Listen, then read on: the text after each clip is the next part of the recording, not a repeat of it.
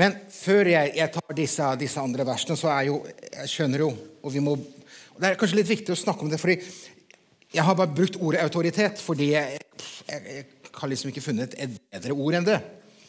Men jeg vet, og jeg forstår her, at dette er, er litt vanskelig ord fordi autoritet har blitt misbrukt, og selvfølgelig eh, dette med disse versene har blitt brukt i kvinneundertrykkelse. Eh, som eh, noen nevnte her i, i pausen. og liksom hvordan, hvordan, på en måte Alt det jeg sier her, ikke sant, oppleves veldig, veldig negativt, kanskje. Eh, eh, Veit ikke. Kan ikke høre litt med dere? Åssen oppleves teksten og, og de ord jeg, jeg bruker? Oppleves det som provoserende, vanskelig? Jeg føler meg ikke truffet, for det er ikke jeg som har skrevet 1. Korinterbrev 11. Ja. Men det er litt viktig for å, for å, for å catche litt. Om du ønsker å uttrykke det, da.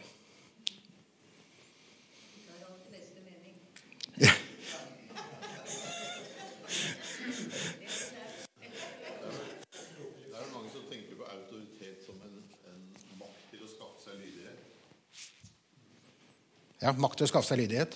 Autoritet. ja.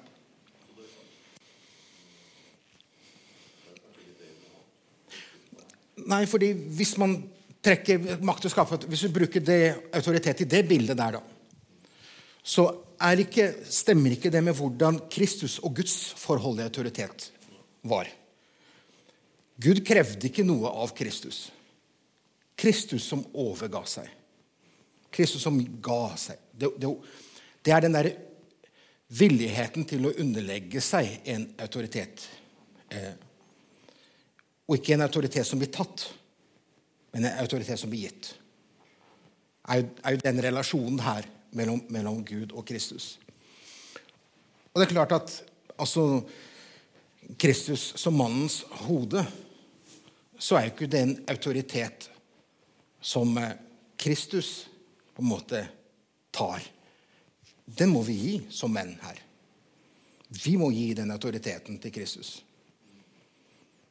Eh, men det er klart at i det øyeblikket vi kommer der, deste, så tenker vi ok, her er det to, to kjød.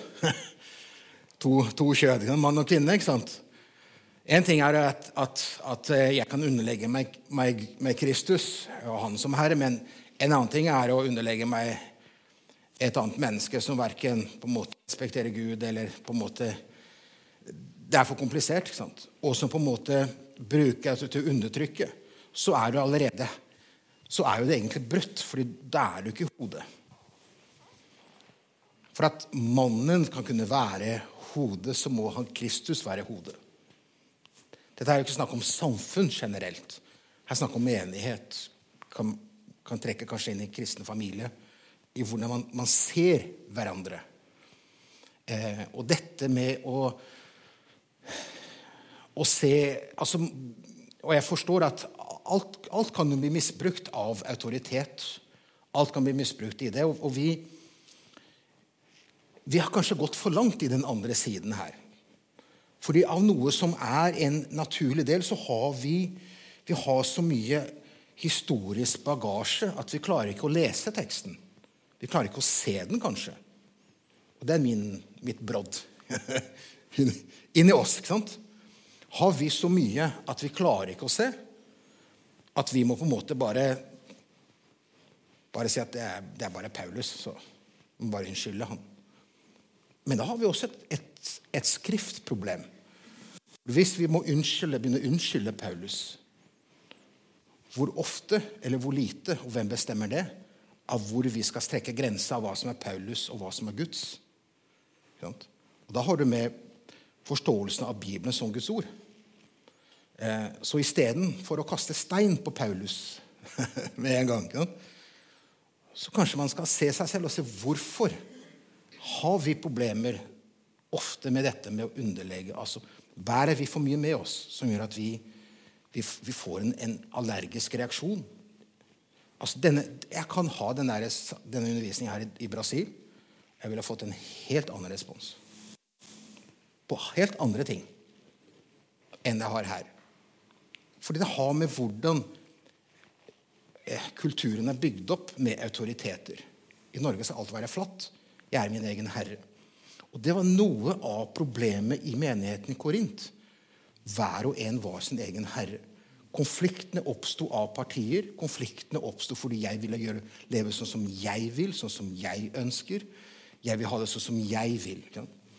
Så når Paulus går inn og skal på en måte snakke om struktur og hierarki, så han, bruker han da et eksempel inn med, med selve frelsesverket. fordi hvis Jesus aldri hadde underlagt seg Gud, så hadde vi aldri blitt frelst.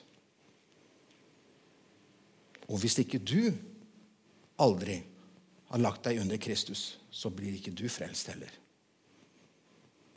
For det er Du må erkjenne at du trenger en frelser. Du må underlegge deg. Så Det er det prinsippet Paulus snakker om. Og så trekker han inn relasjonen. Og så vil han da argumentere Eh, her nede vil han argumentere for hvordan den autoriteten vises. Eh, fra mannens og kvinnens side. I neste del så vil han da snakke om, om, eh, om hvordan skaperverket har blitt til. Altså Gud skapte mannen, Gud skapte kvinnen som hjelperinne, som medvandrer, for å bruke et mye bedre ord, selvfølgelig. Og det siste argumentet som han bruker i de siste versene, snakker om, om, om, der, om, eh, om naturen. Altså lære hva hos mann og kvinne er. Og jeg har jo ikke vært inne på en, en gang på det som egentlig for en generasjon eller to generasjoner under dere, eller kanskje bare eller for mange blir det et problem. Det er dette å snakke om kjønn og ikke flere kjønn. For dette med, eh, med hvordan Det har jo selvfølgelig et problem for, eh, eh, for dem sin tid. Men i dag er jo det å snakke om, eh, om kjønnsidentitet noe som er i samfunnet blitt som det er blitt. og som er at hvis du føler deg på en eller annen måte slik eller sånn, så, så skal du få lov til å leve slik eller sånn som du, du føler deg. Så skal vi alle bare nikke og si at det, det er helt greit. Men det finnes jo ingen og Da går jeg litt på en helt annen side. Men, det, men det, dette er jo ikke vitenskapelige greier. Bare for å nevne det I Nettavisen for ca. to måneder siden så var det en professor i biologi som ikke er kristen. Han skrev eh, biologi, jeg tror han var fra Universitetet i Oslo. Han skrev om dette med hvordan at i biologisk så finnes det bare to kjønn. Så dette med å, å ha en hjerne som er et annet kjønn enn det biologiske, er et, en hypotese eh, som aldri er bevist. Så han snakker om dette med kjønn handler, handler noe om, eh, om, følelse og hva, hva, man ønsker å være, enn biologi. Dette er en, det er jo interessant hvordan på en måte den delen begynner å på en måte kjenne på at ting på en måte er veldig forvirrende. Og nå snakker jeg om noe annet. Her, Men det viser bare at hvordan så mange ting som vi bringer inn i teksten, som ikke er her, som gjør at det med å det med å lese Paulus, eller Guds ord, er ikke så enkelt fordi vi bærer med oss en bagasje. Det var det jeg hadde her i, i fjor en gang når vi snakka om, om eksegese, om tekst, tekstforståelse. Det å på en måte tenke hva, hva sier teksten? Ikke hva jeg ønsker den skal si, men hva sier teksten? Og når du da forstår eh, på en måte at det Paulus her snakker om Nå hopper jeg over spørsmålene her, så nå går jeg videre. Du får ta etterpå, da. Men når, når Paulus han bruker den argumentasjonen i forhold til autoritet, så vil han da snakke om her enhver mann som ber eller profeterer mens han har hodet tildekket, vanærer sitt hode. Så han, han, det han snakker om her, det er at dette med at han, han har Kristus som hode. Og, og, men her plutselig så, plutselig så detter vi litt ut her. ikke sant? Vi er jo ofte fokusert på det verset her. ikke sant? Men Paulus snakker om mannen nå. ikke sant? Eh, og Paulus tar tak i dette. Hvor, hvorfor, er, hvorfor vanærer mannen sitt hode ved å ha en, ha en hatt på hodet? Eller tildekket hode? Hvis du reiser i dag til Jerusalem, så ser du at alle jøder de har tildekket hodet når de står og ber. Men det var en skikk som kom på ca. 300-tallet blant jødene ut ifra Talmud-regler. Men allerede i Paulus sin tid så var det enkelte jødiske rabbiner som mente at man burde tildekke hodet for å tilbe Gud. Slik som Moses hadde vært på fjellet og måtte få tildekket pga. Guds herlighet, så måtte man da også da tildekke. Eh, det er noe av argumentet at noen mener at dette er noe av argumentet at Paulus tar det på denne måten her. Fordi han senere, i andre Korinterbrev ja, skal vi se, kapittel, kapittel 3, der han snakker om akkurat denne hendelsen med Moses. Og dette med tildekket ansikt. Så kommer han fram til et poeng som viser at alle de jødene som prøver å tildekke ansiktet, har misforstått hvorfor Moses tildekket hodet sitt. Hvis du ser i 2. Korinterbrev kapittel 3 Beklager at jeg tar noen sånne sideveier her, men Det er i, eh, i hovedsak vers 13 eh, og vers 14. Jeg, jeg, kan lese litt fra, fra, fra, litt tidligere, her fra vers 7 og utover så står det Men dersom dødens tjeneste med bokstaver eh, inngravert på stein var så herlig at israelittene ikke kunne se direkte på ansiktet til Moses pga. hans skinnende herlighet, en herlighet som ble borte. Altså 2. Korinterne 3, vers 7 og utover. Hvor mye rikere på herlighet skal ikke åndens tjeneste være? Hvis fordømmelsens tjeneste har herlighet, så skal rettferdighetens tjeneste langt mer overgå den i herlighet.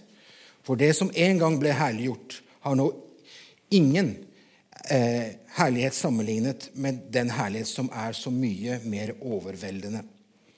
Hvis det som blir borte, hadde herlighet, da skal det som består, ha mye større herlighet. Da vi nå har et slikt håp, taler vi med stor frimodighet. Vi gjør ikke som Moses, som la et slør over sitt ansikt, så israelittene ikke skulle se slutten på det som forsvant. Deres sinn ble forherdet eh, for til denne dag. Ja, jeg kan avslutte der. Eh, men du ser at i, når Paulus her, her taler om dette, så snakker han om, et, om en herliggjort Grunnen til, til, at sløret ble lagt, var ikke fordi en tilbedelse av Moses til Gud, men det var folket som så på Moses. Og selvfølgelig den andre og største hovedgrunnen til at Moses hadde tildekket eh, ansikt for israelitten, står her vers 3, for at de ikke skulle se slutten på det. At det forsvant, herligheten. Så ikke troen skulle forsvinne. Derfor dekte han til, sier Paulus. Men vi skal ikke tildekke. Eh, så Paulus på en måte her i Korinter indirekte snakker jo direkte til jødiske rabbiner og herrer som ønsket å få inn den skikken av å tildekke et hode når de skulle tilbe på tempelet eller hvor den var. Det er det ene argumentet som noen bruker for å vise hvorfor Paulus skriver på den måten. Det andre argumentet er jo følgende at alle romere, når de ba og var i tilbedelse, så hadde de tildekket hodet som menn. Keiseren, Hvis du ser bilder av keiseren, eller ikke bilder, selvfølgelig statuer av sånne ting, så ser du når han, For en romersk keiser var også den ypperste prest i den romerske troen. Så når du ser bildet av en keiser, så ser du ofte inn, inn i sin religiøse har han, har han et slør over, ikke over ansiktet, men over hodet. Eh, et tildekket hode. Så Paulus vil også på den måten si at det er annerledes for oss i Kristus. Vi, I vår tilbedelse så tilber ikke vi som hedningene. Er det noen som argumenterer for å vise fram den teksten hvorfor Paulus skriver på den måten der? Og Dette her har med, med, med ære eh, overfor Gud at jeg som mann jeg står innenfor, innenfor, Gud, og jeg skal ikke tildekke noe, for jeg, jeg er der. Frelst og fri sant? av bare nåde. Det er noe av grunnen til at man, man bruker da eh, og snakker om dette på denne, denne måten her. Og så er det da det neste. ikke sant? Men hver kvinne som ber eller profeterer med utildekket hode, vanærer hodet sitt. For det er som om hodet hennes var snauraket, for om en kvinne ikke er tildekket, kan hun like gjerne få håret klippet. Så står det, Men er det en skam for en kvinne å bli klippet eller snauraket, da må hun være tildekket. Her, men her kommer da for her, her, fordi Dere forsto det sikkert. Jeg prøvde kanskje ikke sa det ikke helt. da. Men dette verset har en, en på en måte en, en kulturell kontekst. Dette med å, med å ære, at Gud blir vanæret ved måten jeg tilber Gud på. At måten du tilber på, kan faktisk være en annen vanære på Gud. Og så tenker jeg, Hvordan bryr Gud seg over hvordan jeg har håret mitt? Eller, eller, ikke hår, ikke sant, Stein? Eller hvordan jeg går kledd. Eh, og Det har selvfølgelig ikke i den forstand at Herren han, han ser jo til hjertet. Men, men, det er i det øyeblikket at det jeg gjør, er i opprør. Det jeg gjør, er for å på en måte bare være helt fri fra min forbindelse med andre. Eh, jeg husker en, eh, når jeg gikk på Ansgar, så kom det en, eh, en misjonær fra et land i Sør-Amerika. Det var ikke pappa. og han, han, klagde på alle disse søramerikanere som kom på møte i, i skjorte og slips. og Han snakket liksom, ja, De har fått inn den vestlige måten å være på. ikke sant? Og, og han glemmer jo helt at hele Latin-Amerika er jo kolonisert av vestlige folk. Så, så, på en måte, det er liksom ikke bare indianere der. Men i hvert fall snakke om det, og så snakke om at brødsbrytelsene på en måte at de skal ha det på samme måte som vi har det. og Skal, så han gjorde et stort poeng i å, å ha høytidsmøter i bermudashorts og kort, kortarma skjorte for å vise at han er fri fra alle disse reglene. Jeg kjente jeg ble veldig provosert. da. For egentlig så, så beviser han det motsatte. For hvis han hadde vært fri, så hadde han kunnet kledd seg sånn som de gjør. Men han må statuere et eksempel så viser at han er ikke fri. Han, han, står og kjemper mot en tradisjon i hans hode som han må kjempe mot. Så han er ikke fri. Han må på en måte være, være motsatt av det de andre har. ikke sant? Men jeg spurte han, hvordan er det disse colombianere sa i hvert fall landet da, Hvordan er det de, når de ikke er kristne, hvordan er det de går på når de skal i bryllup, når de skal i, i, i gudstjenesten i den katolske kirke? Hvordan går de kledd? Ja, De kler seg i de fineste klærne de har. Ja, hvorfor gjør de det, da? Det har ikke vært noen misjonær der. Det katolske kirke har vært der i 500 år. og med sine ting. Så sier jeg, For det ligger i dem, sa jeg til ham, at de ønsker å ære Gud med det beste de har.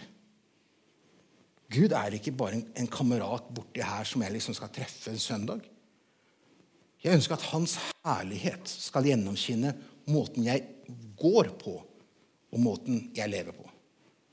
Det skulle jeg tro var, var mer. Og han ble jo rasende, fordi han var misjonær, selvfølgelig. Nei, fordi han visste også, Så jeg, jeg, selvfølgelig, jeg diskuterte jo ikke med han noe mer, for jeg skjønte at her gikk ikke det. Men, men det viser dette med at, eh, at, Gud bryr seg i utgangspunktet ikke, men han bryr seg om hjertet. I måten vi går kledd på, og hva vi gjør, fordi det handler om at vi skal ha ære. og skal ikke, Oppmerksomheten skal ikke være mot meg. Ikke sant? Det skal være mot han. Eh, og hva har dette med tildekket hode? ikke sant? eh, og det har jo litt av det her da, med at en mann i, i, den oppfattelsen, i den kulturen, så vil du oppleve at, at en mann han vil vanære Guds autoritet. Som Herren Kristus har hos en mann. Det er som han setter seg i opposisjon mot Gud. Det er den, det er den oppfattelsen av handlingen har. Og det samme er det med en kvinne med utildekket hode. Og vi tenker på, på hijab, så tenker vi at dette er sånn muslimske greier. Men en kvinne med tildekket hode har jo eksistert i flere tusen år. Og grunnen til at i spesielt kanskje jeg vil ikke si spesielt i Østen, men for å si i Østen, da, at kvinnen hadde tildekket hode Romerske kvinner, greske kvinner, eh, andre kvinner i, i disse gamle religionene var jo fordi at de skulle dekke til håret. At de skulle bare være eh, er det et, et annet ord jeg prøver å tenke på her. At, at, de skulle bare på en måte vise seg for mannen sin. Håret, det som er pent, det skulle være for mannen min, ikke for samfunnet. Det kulturelle var at det veldig ærefulle, det at vi var At man er til hverandre. Eh, ligger og lå i den kulturen, og som på en måte har en, på en måte fortsatt påvirkning i, i, i, Østen, og da spesielt også i, det, i de muslimske landene. Eh, men du bør ikke være muslim. Du kan være en gammel katolsk eh, kristen fra Syd-Europa, eller du kan være ortodoks katolikk. Så vil du se at de har en tildekket hode. Og det har en, en arv i alt dette her. Eh, så, så, en kvinne som da gikk på gata i Korint, som en romersk by, med utildekket hode Hun var en prostituert. Og for dem som var her i den første leksjonen holdt jeg på å si om Korint, så var jo Korint en by som hadde nærmere 1000 eller over 1000 prostituerte prest, prestinner. For det var sånn gudstjenesten var eh, til da Afrodites, eller hva hun het for noe, i gudinnen i Korint. Så at når menn skulle på en måte tilbe gudinna, så gjorde de det ved å ha samleie med de prostituerte. Så byen hadde over 1000 prostituerte som levde som prestinner i prostitusjon. Det var en del av bybildet. Og de gikk uten slør. For å vise på en måte varene, for å si det sånn. Håret var løst. Og det er jo det er jo den konteksten også som man må trekke inn. at eh, Hvorfor var det så viktig for Paulus å få inn dem dette? At, at livet deres, dette med å tildekke, at de står under en mann. Jeg er en gift dame. Jeg står under en annen autoritet. Jeg, jeg, er, ikke, jeg er ikke prostituert, jeg er ikke løst. Jeg tilhører noen. Var, var da viktigheten? Sånn. Som enhver kvinne som ber profetere med utedekket hode, vanærer hodet sitt. Men hvem er hodet? Mannen. Så hun vanærer mannen ved måten hun oppfører seg på. Her, som jeg snakker om i, i møtegudstjeneste, eller om det ville være ute i samfunnet. Det er, det er det knyttepunktet som Paulus her snakker om. Dette med å ha et, et liv, at man underlegges, underlegger seg hverandre, og for å ære hverandre og ære hodet. Mitt hode er Kristus. Og her for henne selvfølgelig mannen å ære. Hvordan kan jeg leve så jeg kan ære min mann? Gjøre ære. Og da går han, Paulus som vanligvis han er jo litt radikal. ikke sant?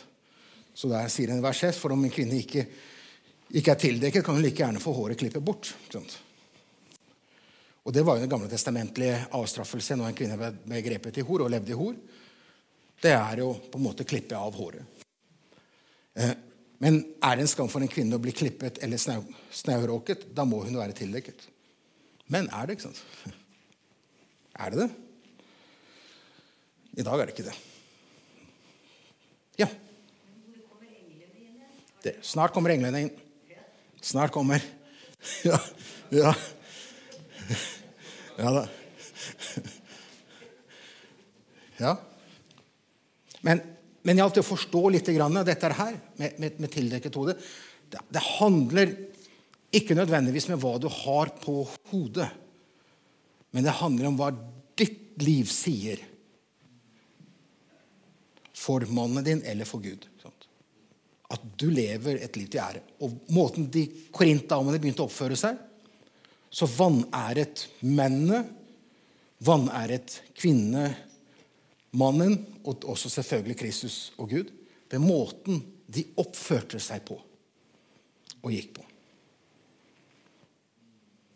Ja. Det er viktig med vers for vers noen ganger. ikke sant? Og da kommer jo selvfølgelig det alle har, har ventet på her. Nei, ikke ennå.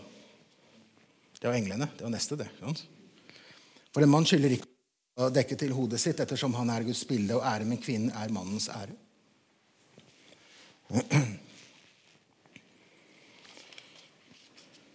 Og den, eh, den neste delen, så jeg må gå fortere, selvfølgelig, for tida går selvfølgelig, men, men det, det, er mye kortere, de to neste, fordi de to neste bygger jo på alt jeg har sagt tidligere her. Så det har jo bare med, med å forklare hva egentlig det menes i dette her. For, for, og her bruker Forrige, forrige vers så brukte Paulus argumentasjon av selve frelsesverket, hvordan, hvordan, Kristus underla seg selv, og hvordan det på en måte påvirker hvordan vi bør underlegge oss Kristus. Og så er det da bruker han argumentasjon av skapelsen. For mannen er ikke tatt av kvinnen, men kvinnen av mannen. Mannen ble ikke skapt for kvinnens skyld, men kvinnen for mannens skyld. Og Det er tatt ut rett ut ifra første Mosebok Eh, det er Herren i skapelsen. Og det er interessant at når Gud skapte alle dyr, så skapte han, så skapte han begge, begge kjønn. Men når han kom til mennesket, så skapte han mannen. Så så han det ikke var godt for mannen å være alene. Så skapte han kvinnen til mannen. Eh, og det kan jo kanskje være vanskelig.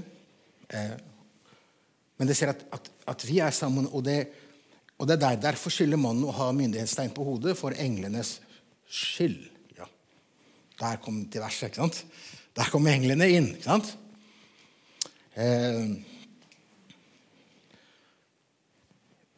jeg kan gi deg tre forskjellige tolkninger som folk gir, og jeg, og jeg skal holde det beste til som jeg mener, da, selvfølgelig. Kan, kan være for min del, da. Eh, den første tolkningen er at eh, for mange av de gamle både kristne som var tidligere rabbinere og sånt, eller gamle rabbinere, de tolket det slik eh, Grunnen til at kvinnen måtte ha slør også, var jo på grunn basert av, eh, av Første Mosebok kapittel 6, stemmer ikke det? Der englene falt. På grunn av håret er kvinnens skjønnhet. Og da de så på kvinnens skjønnhet, så falt de i synd. Så derfor, i den jødiske, noen av den jødiske tanken og rabbinske tanken, var at kvinnen skulle ha tildekket hodet av det. Det er den ene argumentasjonen som, eh, som noen på en måte trekker inn. Den andre eh, argumentet er argumentet fra Jesajas kapittel 6, der det står at når englene står innenfor Herren med seks eller tre par vinger En vinger som dekker føttene, en vinger som dekker hodet, og et par vinger som, som er utstrakt bak. Dette at de er en tilbedelse til Gud med tildekket hode. At slik englene gjør det, slik bør også kvinnen gjøre det med å ha et tildekket hode. Det er, eh, det er interessant i den forstand, men det skaper litt andre problemer òg, selvfølgelig. Eh, og det siste eh, argumentet som, eh, eh, som mange bruker, og det er jo den at, at der Gud blir tilbedt, er englene til stede. I alle i alle våre møter, alt der vi som mennesker tilber Herren, er englene til stede i tilbedelsen og observerer og er der sammen med oss. Og For englenes skyld så handler det at vi skal vise en, en underdanighet til Herren. For at de skal se hvordan vi legger oss under vår frelser, er jo den argumentasjonen. At englene er til stede ved alle våre møter alle våre gudstjenester der vi tilber Gud. Og slik englene på en måte underlegger seg, så er det liksom vi skal være ikke et eksempel, men at vi skal på en måte få lov til å vise at vi er underdanning for til vår frelser, for englenes skyld. At de skal se vår tilbedelse som Herren fortjener. Og da tilbedelsen her blir jo da i forhold til det å dekke hodet. fordi hvis ikke du dekker hodet, så oppfattes det som du står i opposisjon eh, til Gud og til mennesker og til alt det som er. Jeg er fri, jeg gjør hva jeg vil. Jeg kan leve som jeg vil. ikke sant? Så den oppfattelsen av min handling som gjør at det står i opposisjon mot Gud, det er handlingen, ikke nødvendigvis eh, hvordan håret og sjalet ser ut av at vi lever i forskjellig tid. Men det har handlingen. Så for englenes skyld at de skal ha lov til å se at vi underlegger oss vår Herre. Det er eh, den tolken som jeg på en måte syns høres i hvert fall veldig Har jeg bibelsk belegg på det? Ikke så veldig mye. Men det, det høres i hvert fall bedre ut. De to andre er jo, er jo, en historisk ting, men det skaper litt problemer i forhold til, til en del andre ting. Da. Men, eh, men vi har ikke Jeg kan ikke si deg dette er svaret for hvorfor Paulus skriver det på den måten der. Men, eh, men i forhold til engler og engelke engeldyrkelse, selv om det var mye av det blant jødene på den tiden, engeldyrkelse, så, så, så, så var den en, helt en eng, hva heter det, engologi, altså angologi Jeg kom på politisk ord. Altså en teologi om engler. Det hadde jødene veldig mye. Og engler det har alt mulig slags ting som er bare tatt ut fra mange ting så jødene var veldig opptatt av englene. Og eh, noe av det hun eh, tidligere kongehusdame Märtha Louise tok mye av sin, noe av sin tanker og inspirasjon her, var den gamle jødiske forståelse av engler i sin engeldyrkelse. Og Derfor bruker Paulus litt tid eller Paulus, eller forfatteren av Hebreerbrevet, å snakke om dette med engler i kapittel 1. At vi trenger ikke å tilbe engler. Vi kan få lov til å tilbe Han som har skapt englene. At vi står over. Jesus døde ikke for englene. Og Det er den andre argumenten som de bruker, dette med at englene er til stede. Fordi de observerer og, og ser at, at, at, vi tilber en frelser som døde for oss. Frelseren døde ikke for englene, men døde for oss. Og at de observerer og lovpriser Gud for at vi har fått en del av en gave som ikke de har fått. Eh, men det er igjen det er, det er noen tanker, da. Så, så, om du vil sette meg fast dialogisk, så gjør du det. det. Jeg har ikke så veldig mange andre bevis på det. Eh, men når Paulus da skriver her i forhold til dette med skapelsen, så snakker han om orden og skapelsesordningen. At Gud skapte mannen, og Gud skapte kvinnen. Men begge to er jo skapt i Guds bilde. Kvinnen er ikke skapt i mannens bilde. I eh, ta tid til den. I første Mosebok kapittel 5, når, når skapelsesberetning sammenfattes, eh, så, står det, så står det slik i vers 1 Til og med vers, eh, og med eh, vers 1 og 2 så står det dette er Adams slektsbok. På den dag Gud skapte mennesket, formet han det slik at det lignet Gud. Til mann og kvinne skapte han dem, og han velsignet dem og kalte dem mennesker det dagen de ble skapt. Når Gud skapte mennesket, eh, formet han slik at de lignet på Gud. Så både mann og kvinne er jo da skapt i Guds bilde. Selv om skapermåten er litt forskjellig fra mann og kvinne. Begge to er skapt i, i Guds bilde. Men på det hebraiske teksten her, som det brukes her til mann og kvinne, skapte han dem, og han velsignet dem og kalte dem mennesker. Så er, På hebraiske er jo mennesket Adam. Mennesket. Ikke mennesker, men mennesket. Så er Adam på en måte navnet på mennesket. Eh, bare for å si, få til dette med, med skaperordning. Og, og Paulus han, han, bruker, han, bruker, jo noe tid på dette. Spesielt i, i 1. Timotus kapittel, 3, kapittel 2 vers 13 så snakker han om akkurat dette her, som er et veldig komplisert kapittel, som ikke vi skal ta tid nå. Eh, men, men, han kommer inn på dette med i forhold til skaperorden. Eh, til å forstå at, at, at, det finnes en hierarkisk skaperorden, og hvordan det på en måte også kan påvirke hvordan vi forholder oss eh, til hverandre. Og som det står i 1. Mosebok, 12, nei, 1. Mosebok 2, 18, at Eva ble skapt som en hjelper for mannen. Vandrer, medvandrer.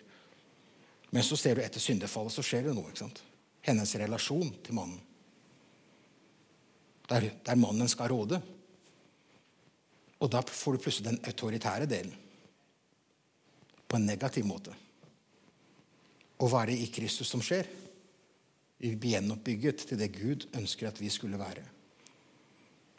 Der ikke mannen råder på den måten.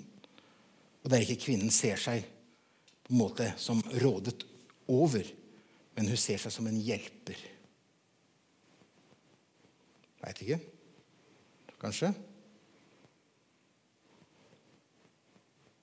Men du ser hvor, hvor, vanskelig disse tekstene kan være for oss fordi vi, vi sitter der vi sitter. Om vi vil kaste stein på Paulus, så sitter vi også i glasshus. Så, eh, men han, han, prøver å forklare og, og, så vi skal forstå. Men når man sier om skaperordningen er slik, så kommer han her. Vers 12 så sier han men slik som kvinnen er av mannen, ble skapt sånn, kommer også mannen av kvinnen. For det var bare, det var bare Eva som ble skapt av Adam. Alle andre menn etterpå ble født av en kvinne. Ble ikke født av en mann foreløpig. Han sier at om, det ble skapt i den orden der, så er mannen like avhengig av kvinnen som kvinnen er avhengig av mannen, vil han da si senere. Så det handler om avhengighet, men det handler også om dette med å gi autoritet. Men alt er er av Gud. Skal jeg gå videre til neste? Ja. Og den, den siste delen, da, der han bruker argumentet om naturen. Sånn. Døm blant dere selv. Sømmer det seg for en kvinne å be til Gud med til utildekket hode? ikke sant? Lærer ikke naturen at, at, om en mann har langt hår, er en vanære for han? Eh, og her, her, er det jo helt naturlig at man bruker naturen. Og i vår naturs forståelse så har det med kultur å gjøre for Paul. selvfølgelig.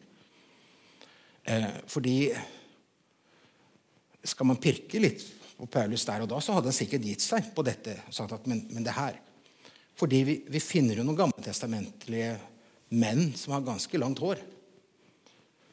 Kan dere komme på en som var en Guds mann som endte med døden? selvfølgelig som alle, men... Hæ? Til og med kraften var i håret. Har Gud på en måte skifta idé? liksom, at oi, nei, Det er nok med en med langt hår. Nå får vi bare ha kort hår alle sammen. sant? Altså, så det er klart at Plutselig ser du noen gamle testamentlige personligheter som har langt hår. Eh, men om en kvinne har langt hår, er det en ære for henne, for hennes hår er, er henne som et slør. Og han snakker om, om selvfølgelig, Det har jo med selvfølelse og det har med hvordan man, man, man ser ut. Og, og, noe har vi i, i, i vår, vår, kultur. Men, men, men du, du, kan liksom ikke gå langt inn i, inn i Sentral-Afrika og snakke at kvinnen skal ha langt hår når alt krøller seg opp. Da du et problem. Da må du på en måte finne opp noen produkter som kan glatte det ut. Altså, så man, så man, man skjønner at, at, at Paulus han, han, han, prøver ikke å gjøre narr av disse, men, men, igjen er basert på samme argumentasjon som han har gjort før. ikke sant? Men dette med frelsesverket, dette med, med, hvordan du oppfører deg, hvordan du har ting. ikke sant? Eh, og Da bruker han det siste argumentasjonen, dette med, med, naturen, og hvordan de så seg selv, og hva som var naturlig. Og For romere så skulle ikke de ha langt hår. Men så var det som en som eh, en teolog som, som spør hva, hva er egentlig langt hår. da? For det kan være litt forskjellige definisjoner på hvor langt er et langt hår. ikke sant? Eh, men, i, men, så er det som om på en måte han Ikke det at han prøver å, å rive ned noe av det han, eh, han, har argumentert her, for det er viktig for han å få dette til å forstå at det handler om det handler om orden, det handler om, om, å underlegge seg hverandre. Det handler om hvordan vi oppfører oss i gudstjeneste, hvordan vi, vi kommer sammen. og Dette vil, dette vil, gå igjen i hele Når vi snakker om brødsbrytelsen, så det er Kjell sitt ansvar, ja, tror jeg. hvordan går? Vi snakker aldri om det, hvordan man går til brødsbrytelse. Men Paulus det er et stort problem. Hvordan de det var ikke bare enkeltbrød, det hadde stort måltid. Men hvordan man gikk, hvilken innstilling man har. Vi, vi kommer som vi er, og vi, vi tar brødsbrytelsen sånn som det står, og så får det halleluja, amen. Men skal hjertet være med i dette? Så Paulus tar inn et alvor med brødsbrytelsen for korinterne. For måten de utfører alt dette her, som har igjen med, at mitt liv skal ære Gud i gudstjenesten når man kommer sammen. Eh, han begynner med dette, så vil han snakke om brødsbrytelsen, så vil han snakke om nådegaver og tjenestebruk av, av, gavene i menigheten. Hvordan alt dette skal brukes til ære for Gud. Eh, og ikke min individualistiske, selvstendige Min måte å leve på min måte å være på.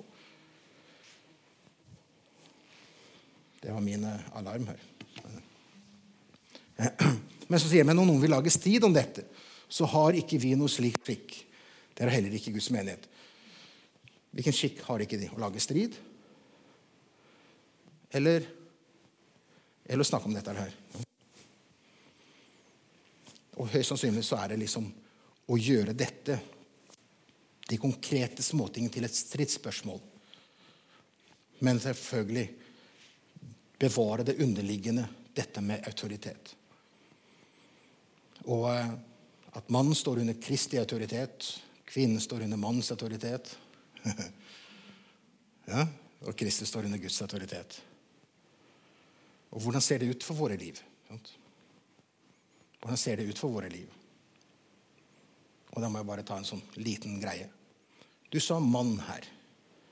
Husk at Gud skal stille deg til ansvar for din mannsrolle. Ditt ansvar som Gud har gitt deg som mann. Du kan aldri skylde på kona di, skylde på andre. Du har en mannsrolle som Gud har sagt inn i familieekteskap ikke det deilig å høre?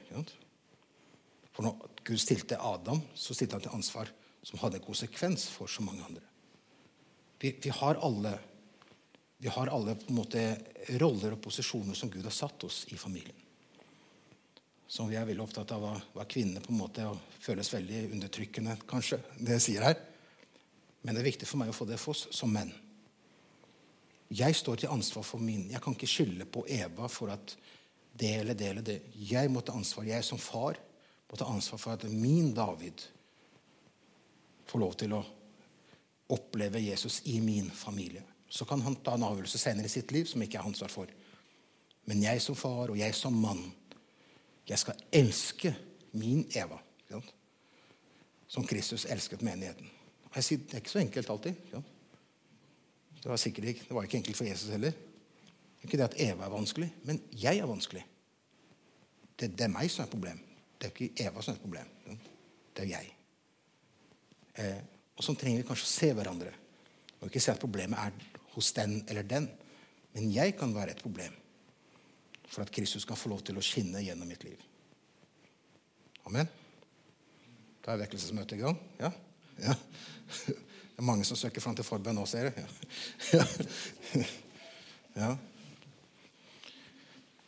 Er det noen spørsmål før vi, før vi tar en liten kort bønnestund på, på avslutning her også?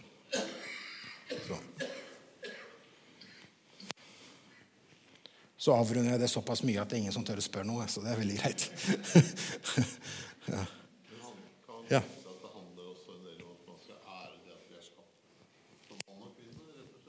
Ja. ja, det er ære. Det er å er skapt som mann og kvinne, og ikke søke å være like. Og, og, og det er jo, Der sier du en, en, en viktig ting. Å ikke ta del i, kjønnskampen som vi lever i, og som vi alltid har levd i. Og kjønnskamp er på den måten i Norge. I Brasil har de også kjønnskamp. Så det er jo kjønnskamp alt, for det er falne mennesker. Men Herre, hjelp meg så jeg blir fri, så jeg ikke tar del i kjønnskampen. Men jeg kan se her at, at hva jeg er skapt i deg, og hvem jeg er hos deg, så er jeg med og ærer min neste, min mann eller min kone. Så det er å sette pris på hva, hva Gud har satt oss til. Ja. Skal vi be sammen? Herre, vi, vi takker deg, Herre, for at uh, det er du, Herre, som har skapt oss, Herre. Vi takker deg, Herre, for at selv om vi, vi, vi strider i så mange ting, Herre Jesus, og har vanskelig med å forstå så mange ting, Herre, for vi er i denne verden og, opplever så mye som skjer her, Herre. Men jeg ber, Herre, at, at ditt ord, som er forkynt her i dag, og som blir forkynt her onsdager og, og søndager, Herre, at det må få grobunn i våre liv, Herre, så vi blir et uttrykk av deg, Herre. I hvordan vi behandler hverandre, hvordan vi ser hverandre, og i hvordan vi selv ser oss selv i ditt bilde, Herre. Ber jeg Jesus for ekteparet som er her i kveld representert, Herre. Ber at Herre, du, du, må få lov til å stå i sentrum, Herre, i kanskje i den kampen eller, eller utfordringen som den enkelte står i i ekteskapskonflikt eller andre ting, Herre. Men at de kan se, Herre, at, at, at, du har skapt oss, Herre, og at vi trenger hverandre, Herre. Og at du ønsker å være en del av, av ekteskapet og våre liv, Herre. Hjelp oss, Herre, at vi kan få lov til å respektere og ære og elske våre hustruer slik du elsket oss, Herre. Hjelp oss, Herre, til å være Guds menn, Herre, av vi som er her. Ber jeg, Herre, at, av kvinner som er her, at de må få lov til å oppleve at de kan få lov til å være Guds kvinner, Herre.